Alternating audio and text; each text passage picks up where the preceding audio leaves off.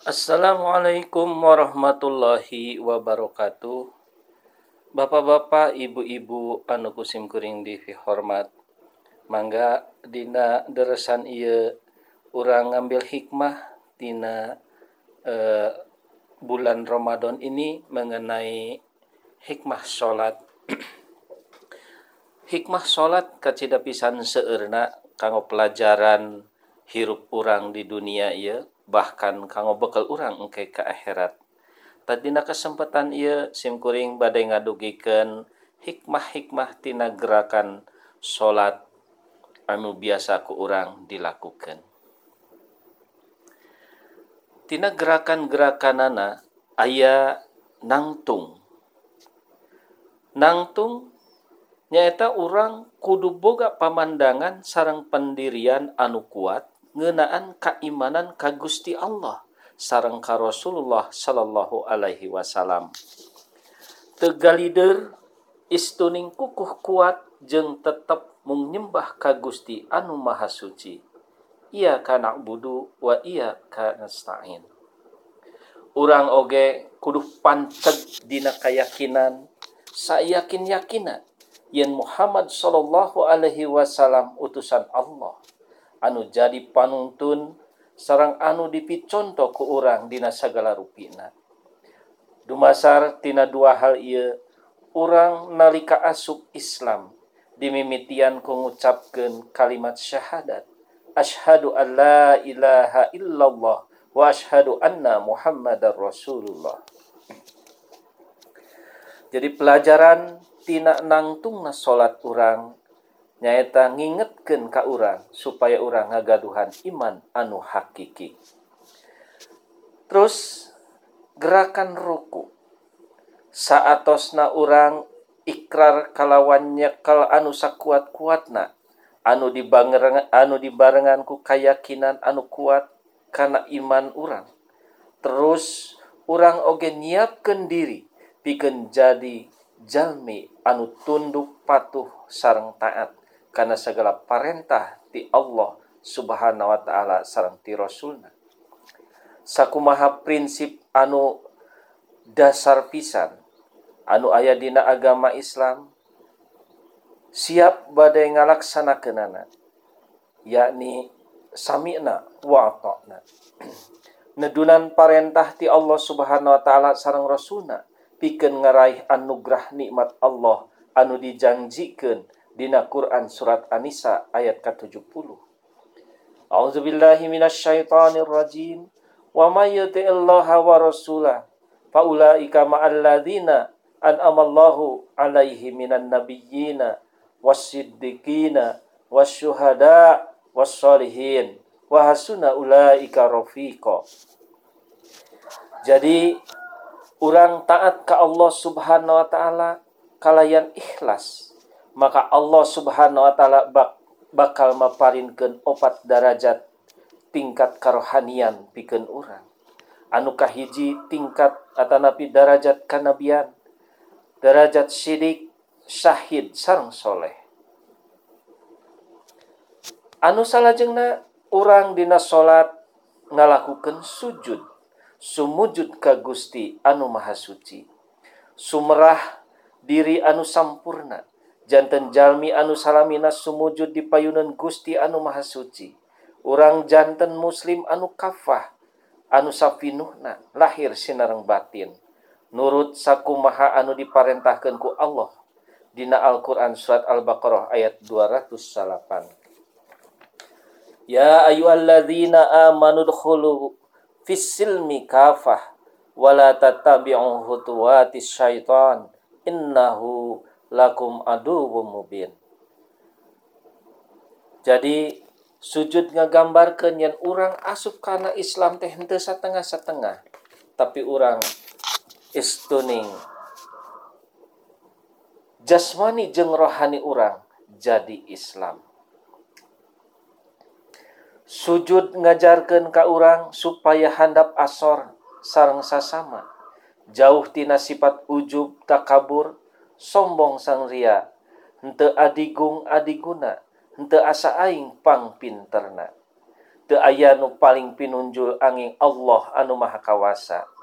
Hal ia ngingetkeun ka urang yen jalma teh teu daya teu upaya angin Allah angin Allah anu ngusik sareng malikeun urang. La haula wala quwata illa billah La tataharraka dzaratan illa biidnillah. Jadi orang mual bisa gerak sok sanaos ngicepkeun soca urang lamun teu aya izin ti Allah Subhanahu wa taala. Jadi kesimpulan tina sujud ia mangrupakeun pangabdian orang anu sampurna sehingga orang aya dina tingkat kesetiaan. Artinya jadi jalma anu satya satuhu karena segala parentah ti Gusti anu Maha Suci rawuh Rasulna. Anu kaopat hadirin pamiar sasadaya Dina salat orang ngalakukan calik. Calik ngajarkan ke orang yang orang kudu bisa narima karena kenyataan rek pahit rek peher atau napi amis sarang pahit. Kadar sarang kodok sumping ti Gusti anu Maha Suci. Muarek protes ka Gusti Allah naon bae anu tumiba kana diri.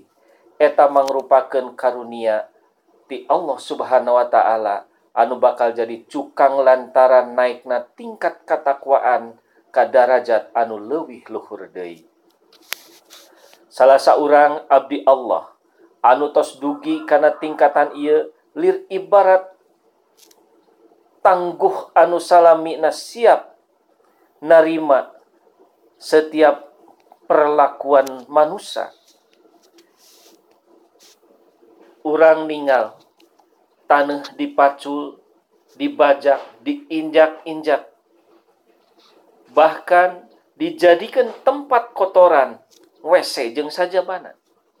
Tanah te pernah protes, malah kalah ngaluarkan bubuahan anu aralus anu aramis. Tatangkalan jadi subur jeng saterusna. Ia gambaran jalma anu kacida sabarna. Kusabab gitu Allah oge ngahargaan ka jalma anu sabar. Innallaha ma'as sabirin. Allah jadi babaturanana. Allah jadi sobatna pikeun jalma anu sabar. Diejek digogoreng bahkan diusir tapi jalma anu ia muarek balas dendam. Malah sabalikna jalma ia kalah mere hadiah mereka alusan bari ngadua. Allahumma di kaumi fa innahum la ya'lamun. Duh Gusti paparin pitujuh kaum anu ngejek ka kaula kaum anu ngusir ka kaula. Maranehanana teh teu arah pahaleun. can Arapalen kusabab gitu Gusti paparin ampunan aranjenanana. Masya Allah ia pisan anu disebut Islam. Anu kalima hadirin sadaya ucapan assalamualaikum. Ia oge ayah pelajaran anu kacida berharga pikeun urang sadaya. urang oge ditugaskan ku Rasulullah Shallallahu Alaihi Wasallam supaya nyebarkan salam kasasama manusia anu hartina urang kudu nyebarkan kasalamatan kadamaian di muka bumi iya kalawan tepilih kasih. Salam ajarkan ka urang yen urang kudu silih bantuan silih tulungan dina kaalusan. Islam kersa kabeh umat manusia anu kasebut dina surat Asaba ayat 28 wama arsalnaka illa kafatalinas terus dina surat ke-20 hiji ayat 108 Allah Ta'ala ngadawuhkan wama arsal wama arsalnaka illa rahmatan lil alamin.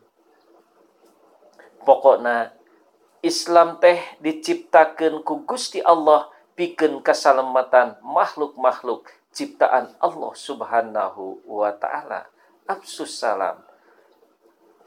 Sebarkanlah salam bainakum di antara kalian. Anu kagenep salam teh aya dua kali gerakan.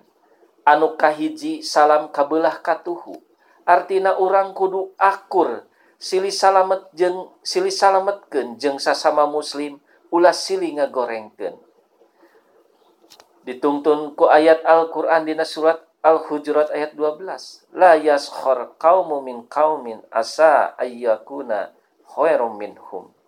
Kade maraneh ulah ngagogoreng kaum anu lain, sabab bisa jadi anu digogoreng teh leuwih alus tibatan maraneh. Mung Allah anu apal saha anu sesat, saha anu goreng, saha anu kenging pitunjuk, kenging panuntun ti Allah Subhanahu wa taala. Sakumadina surat Al-An'am ayat 117 Inna rabbaka huwa a'lamu mayudillu an sabilihi wa huwa a'lamu bil muhtadin. Anu satrasna palawargi sadaya salam kabelah kenca. Ia mangrupakan nasihat kanggo orang orang oge kudu sili ajenan jeng toleran ka agama anu sejen. Ulah sili bintih sili silih bintih silih tindih sabab urang bilih panggih jeng kaperi alus pisan dina segala urusan lamun urang musyawarah dialog tapi tekudu nangtuken saha anu eleh jeng saha anu unggul.